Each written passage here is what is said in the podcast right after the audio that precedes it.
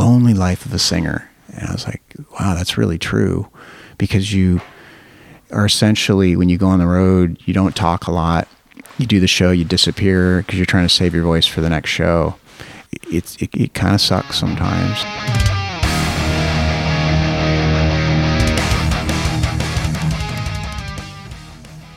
Välkommen till ännu en torsdag med Rockpodden.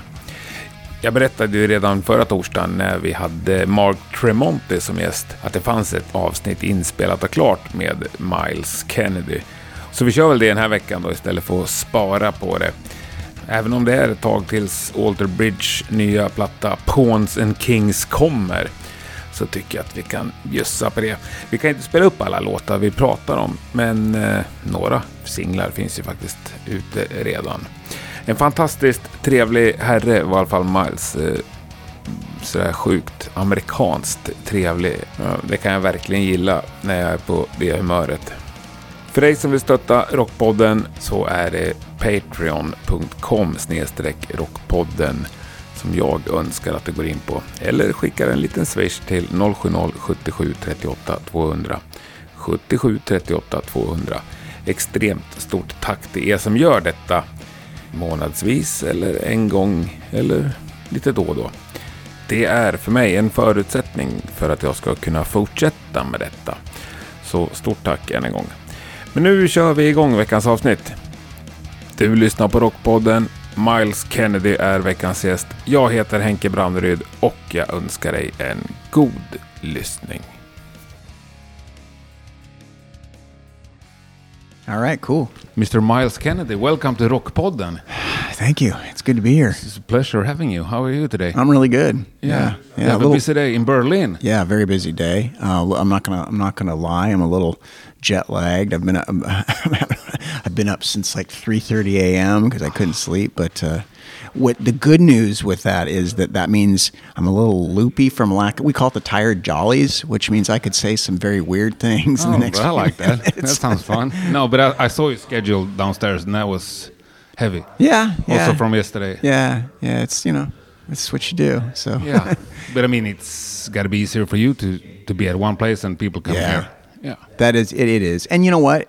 The thing is is like I was sitting here during the last interview and I'm like I do enjoy this process and it still kind of blows my mind that there are even people who are interested this many you know like people are coming from all these places to talk with us. And so I don't I don't take I don't take any of that for granted.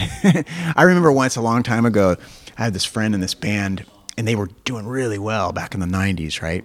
And I remember he was he kind of complaining. He's like, "Oh, we got to go do this press tour." And I remember thinking, and this is bef- you know, this is when I was just struggling young artist, Yeah. and I was like, "Man, don't complain about that. That would be great." yeah, I mean, it's most of the band's biggest dream that Sure. somebody should care about. yeah, eh, that's just Yeah. it. That's exactly right. yeah, yeah. But there's a lot of people care about you and your bands. Well, that's we've we fooled people.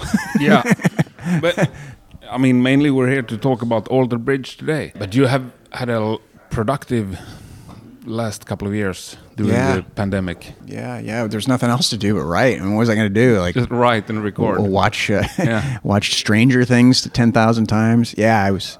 Yeah, plenty of time to But make did records. you get more creativity and like ideas from like staying at home, or Yeah. did you just Yeah, yeah, definitely. Yeah, because it was just all I had to do every day was wake up and pick up a guitar and create, and that's kind of what helped keep me sane, especially when everything first started slowing down. I mean, that was really what helped me, like with the first with that uh, Ides of March solo record, and then with you know the record with Slash.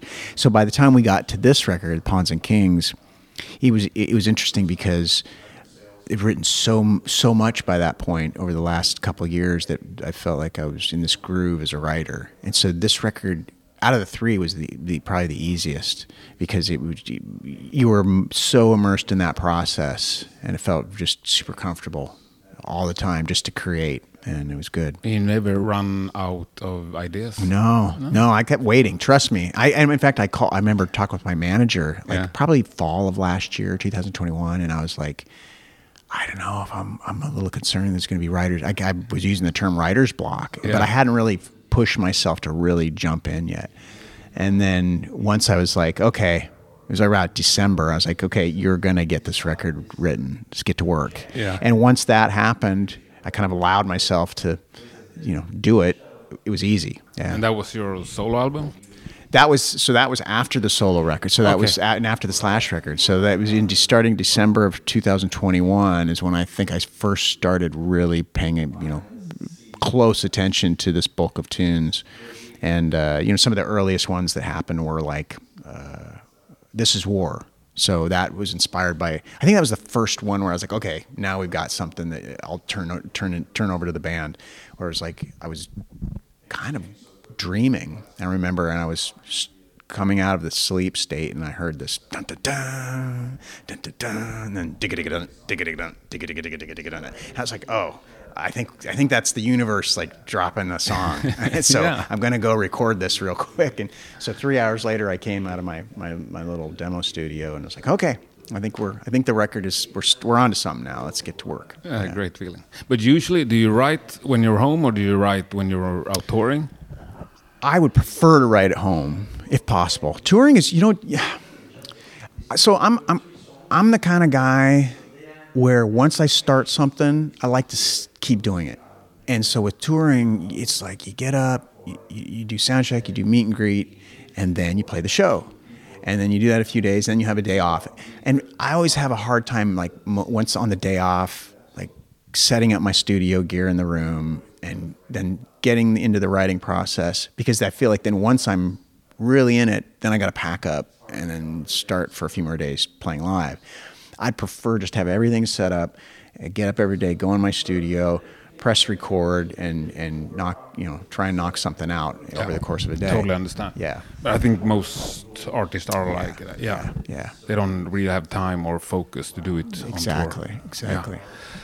But yeah, but about your solo album, you play all the guitars in that one. Yeah. And all the slide guitars. Yeah. I love that slide oh, guitar. Oh, thank you. Yeah. Thank you very much. I lo- I love slide Is guitar. that yours, like, not unknown, but kind of unknown superpower? oh, a superpower. Yeah. I I love the slide. There's just something so expressive about it. I mean, I'm I'm, you know, I'm a fan of. So, so I actually learned to play slide by listening to um, Bonnie Raitt.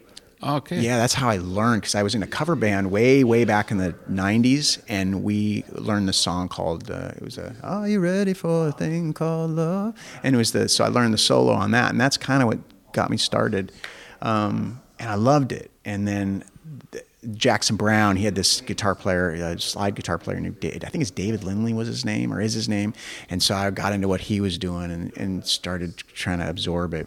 And now you got you have guys like Derek Trucks, who's it's a whole different level of Yeah, yeah. slide guitar. Like I would kill to play like that, but um, but yeah, I do love it. I really do. Yeah. Great. Keep on doing it. Thank you. Thank you. Yeah, but there's no slide in in the new album. In the No. Alter Bridge, no?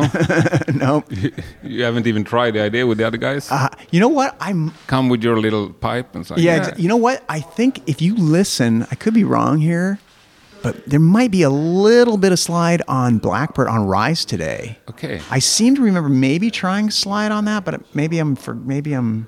Sp- sp- I, who Maybe knows? some Yeah, producer. Yeah, and the producer's like, ah, that sucks. took it out. Cut it. Yeah. How much are you into the process? I mean, different bands, a lot of albums and tours. I mean, obviously you don't remember where there's a slide or not in the album, but Right. uh, how how deep are you? How many of the decisions? I mean, there's a million of decisions for every album. Right. How many of those are you involved in? Well, when it, as far as the um, as far as the songwriting, you know, Mark and I, that's our our thing. And then once you once that's finished, um, for me, like as far as the artwork and all that, yeah, I kind of have you know my ideas of things I might like to see, but I'm not going to be as passionate about that as I am the songs. Like the song, I feel like because the guys in the band are you know kind of allow Mark and I to be the the the drive the ship there. Yeah. I'm not going to be like trying to take control of all that other stuff because I feel like everybody should feel like they're they have a a, a role to play in the decision making process. Occasionally, you'll get like videos. Is that's something I never really thought of. It's like, well, what do you think the video should be? I don't know. this record uh, on what was it, Silver Tongue. That was probably one of the first times I, I had some sort of an idea, and my, my wife and I actually were on vacation, not on vacation. I was on the road doing my solo thing tour, and came up with that concept uh, because we were getting ready to go to museums that day on a day off, and I thought, oh, it would be really interesting to have someone at like staring at a picture and then the picture seduces them and they step into this whole world. So that you know that'd be an example of kind of stepping out of my lane once in a while, but most of the time it's this the songwriting is the, the real focus. You know, that's um, I think everybody's kind of got their role in this band and that's cool. But like production wise, well, production wise, the a lot of the pre-production, like with the demo, like when I do demos, um, a lot of which you hear like even even with like there's so we have a song called Fable of the Silent Son. Like a fair amount of that was flown in from my demos. Like the stuff I the the uh, mellotron parts and any sort of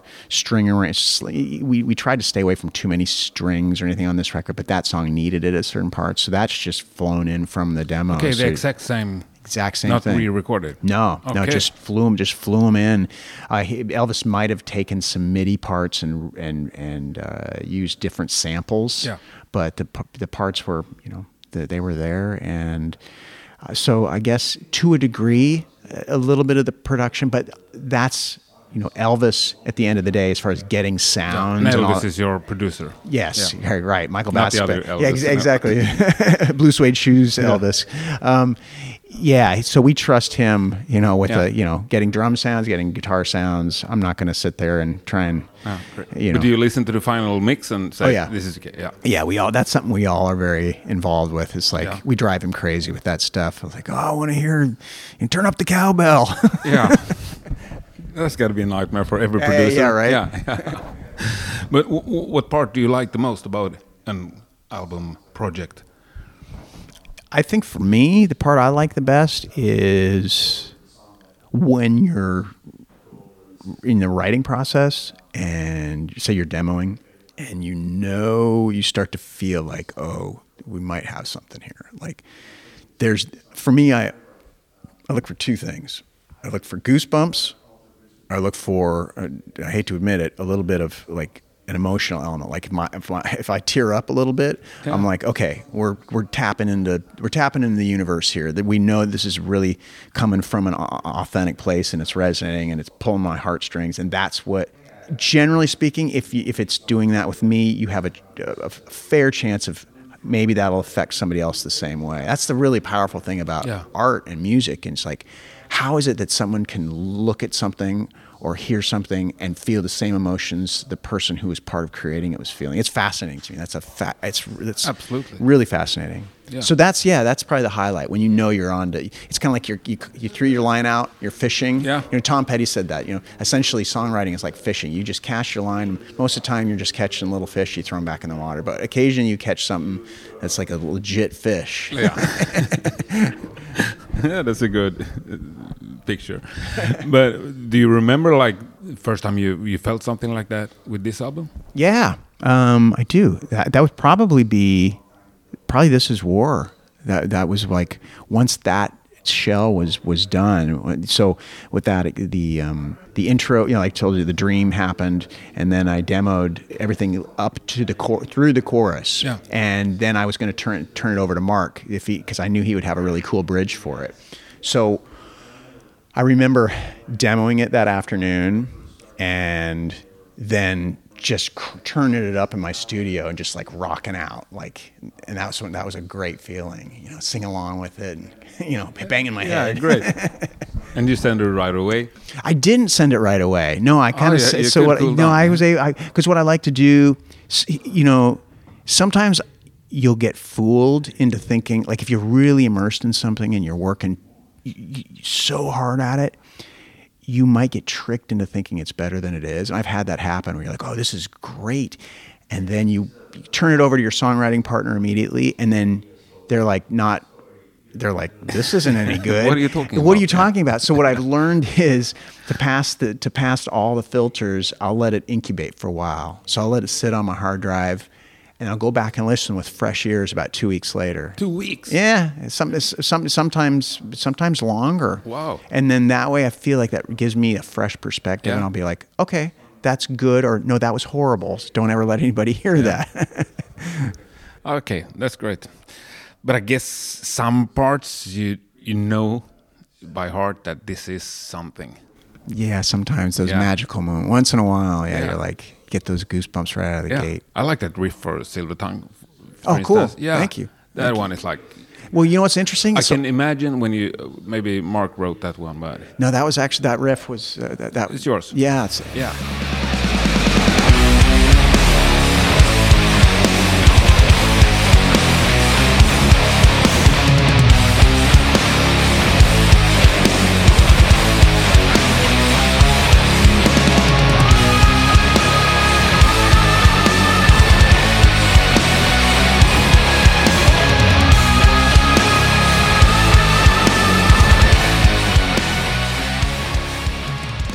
But that's a funny one because that originally I didn't realize that our manager Tim, when I sent him that demo initially, he pointed out he was like, "Oh, that riff for Silver Tongue," Yeah. and I was like, "Really?" I was like, "I thought it was okay. I didn't." I didn't know Okay. immediately. I, I honestly thought it was okay. I thought it was decent. Yeah. I thought it'd be like a decent album track, but I didn't certainly didn't think it was going to be a single. Yeah, No, for me it was like point on, Great. straight on. Yeah, Great. But we got to speak about your voice. How's your relationship to your own voice? we argue all the time. no, it's you know what? It's um, after years and years and years of doing this, I've kind of learned what it's. I've learned how to use it the best way that that uh, I, I think ultimately that helps me emote who I am. You know, when I first started as a young artist, there was a, a lot of mimicry going on. Like I didn't know who I was. I just didn't know, and I was given um, a voice that would. I, I guess I was given a certain range, and and I, I was given a voice that would could kind of morph into certain things. So when I listened to early things I did, like I did in the '90s, and even in the early part of the 2000s, I'm like, oh, I can really hear this influence here. And I was listening to way too much Jeff Buckley, or I was listening to way too much so and so. kind of trying to sound Yeah, sound like somebody else. Yeah, and not and not even just because I just didn't. I just hadn't spent enough time doing it, and I was still focused on writing and trying to evolve as a as a as an artist. But after doing this for you know a long, nearly thirty years, I feel like I feel finally feel comfortable in in in kind of.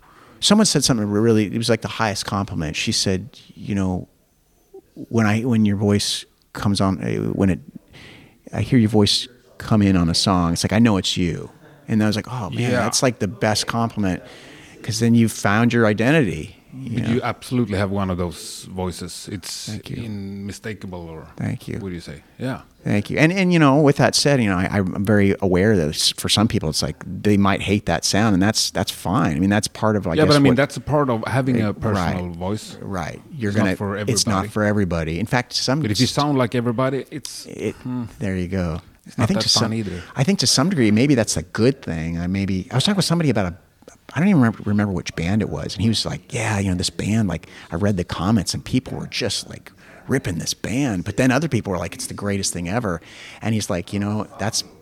I, that's really the best way to be. And I thought, that's actually a good point. It's like, don't be status quo, just be you. And if people love it, hopefully they'll really love it. And if they hate it, if they really hate it, then maybe you're Yeah. doing something right. I don't know. That's got to be more fun. That, Yeah. That's everybody. Yeah, they're okay. They're a Right? decent band. Right. They're- Nobody. they're okay. Nobody yeah, loves you. Yeah, yeah. nobody wears your shirt. Exa- and nobody ex- hates you. Exactly. Yeah. You're playing it safe. But uh, how do you do to take care of your voice? no, it's it's a life of no fun. a lot of singers say that. Yeah, it's it's Ah. it's um you know um I have I, I have a, I have a friend Tony from from uh, TNT, and he he was like he said something once. He's like the lonely life of a singer, and I was like, wow, that's really true, because you are essentially when you go on the road, you don't talk a lot. You do the show, you disappear because you're trying to save your voice for the next show. It kind of sucks sometimes, and then especially as you get older, you got to be even more careful. And I don't talk. I don't do press on the road. I don't.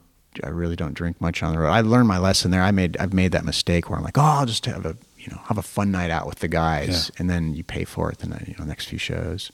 But how many days in a row can you do a show? I only now I'm at I won't do any more than two. Two. Yeah, which all things considered, given the kind of music that it is, and given how long I've been doing it, I'm I'm grateful for for, for that. Even, Yeah. um, you know, I what I would love to be. You know, you see guys who've been who've been doing it for a long time and have a massive catalog and they have this massive home that allows them to go like do a show and then have two days off show two days and i'm like man that would be amazing because then you could just gun it every night you know and just deliver so what you what i have to do is pace myself it's like you'll do you'll do a show and i'm always thinking about the next night it's like well if i go for this note now it's people are like well can he still hit those notes well yeah you can still hit them but if you hit it that night the next night then everything will be a little weaker and you'll start singing a little flat and so it's all you know that's the thing that sucks Ah, yeah, it's not sounding good. yeah you don't want to have you know it's No. like you just want to you want to I mean, turn it up if to you have 11 the perfect show with adrenaline rushing, you just want to hit all the notes. Exactly. I don't want to Yeah. have to like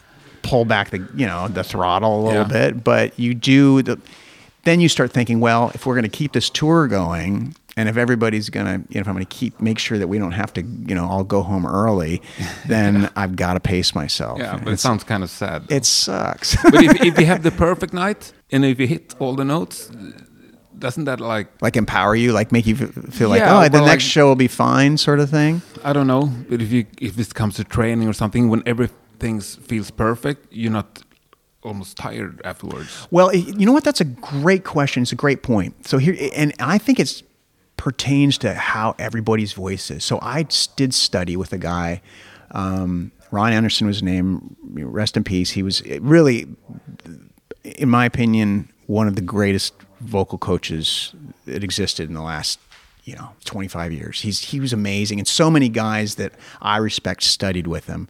Um, and he and i was really really really lucky to get to, to take a few lessons with him. And and that's he told me when i started studying with him he said if you take these techniques and learn them and it's an old opera technique. It's called bel, Con- bel canto i believe. It's, it's been around for hundreds of years. But he just taught it in, in such a way that where you could apply it in rock and roll. And um, and and he said as you get older you'll still have your voice as opposed to burning it out. And uh, and so knock on wood you know I, I still I still have it.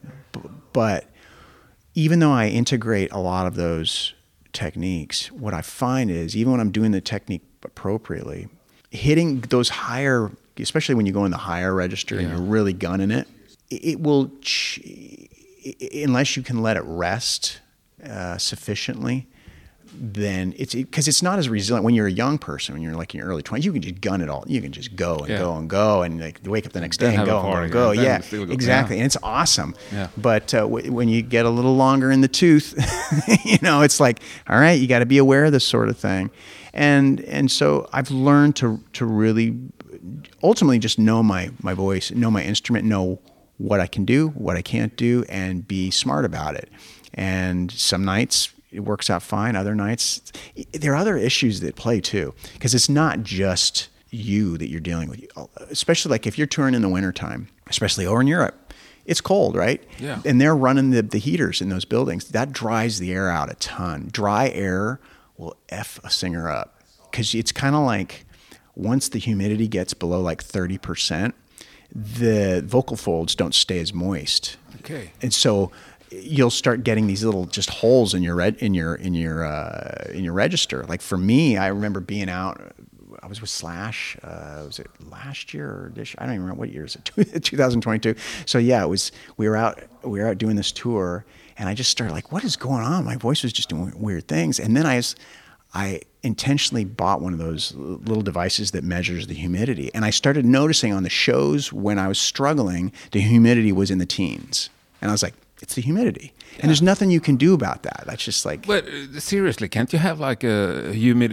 a humidif like a Yeah. like, yeah something blowing in your face. The problem I thought about that. I was like, that's Yeah. actually a great idea. And so I, I talked with uh, was- I know people would, like with asthma have their in their bedrooms. And stuff. Right, right. Yeah. you can do it. So I keep Yeah. those in my hotel room. So Yeah. I'll take, I have a.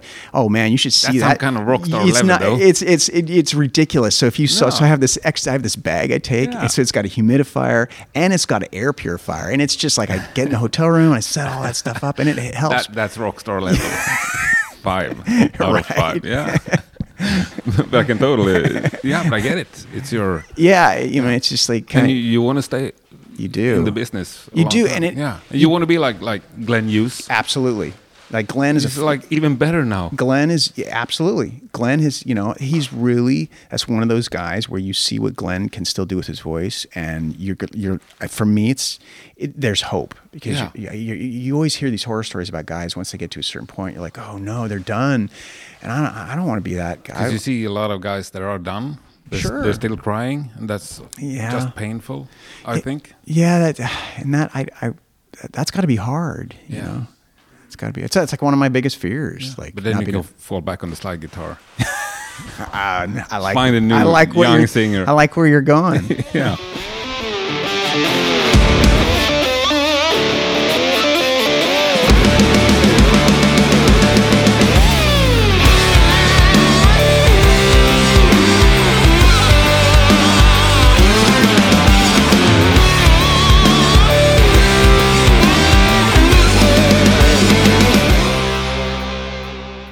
Yeah, you're doing some press in Europe now. Then you're going back. Back to home. US, and then back to Europe November November. for a tour Yeah, with Halestorm. Halestorm and, Yeah. and Mammoth, Wolfgang Van Halen and the boys. Yeah, with Van Halen. Yeah, it's gonna be cool. Yeah, Uh, are, are you involved in picking the opening acts or? yeah. We all kind of riff on that, and to us, it was just an obvious, um, an obvious bill. If they, if the, both the fact that both those bands wanted to do it, we were like, oh man, uh, we would. That's like the dream. We've look over the years. We've had some inc- in- just incredible bands that we've gone out with uh, over here, and and so to be able to maintain that tradition of trying to make it so that it's you know it's the entire night is really good for the for the sake of the of the people who come to the show. Um, we definitely strive for that. You know, you don't want it just to be somewhere you get some band that you don't know anything about or that you maybe doesn't deliver in one way or the other, and then the fans are like, "What's going on?" We, it, for us, we, we're trying to just make it. A, you know, a good night overall, and, and so we're excited. I get it. We should end up with. I only have two standard questions. cool. Who's the most musical person you ever played with? Oh man, the most musical person. Okay, you know, I, ooh, that's a good. Ooh, that's that's a really tough one. I'd say one of them is a guy named Ian Thornley. Uh, he plays a band called Big Wreck from Canada. He's Big Wreck. Big Wreck. He's brilliant. Okay, never He's incredible. Yeah, you got to hear this guy play guitar and sing and write songs. He'll I blow he'll blow up. your mind. Most yeah. definitely. Yeah. The last one, actually, it used to be. What do you think? It's the Sweden's most underrated band, but I can say who's the world's most underrated band. Who is the world's most underrated band? Oh, good lord. Or if you have a good Swedish one, you can pick that.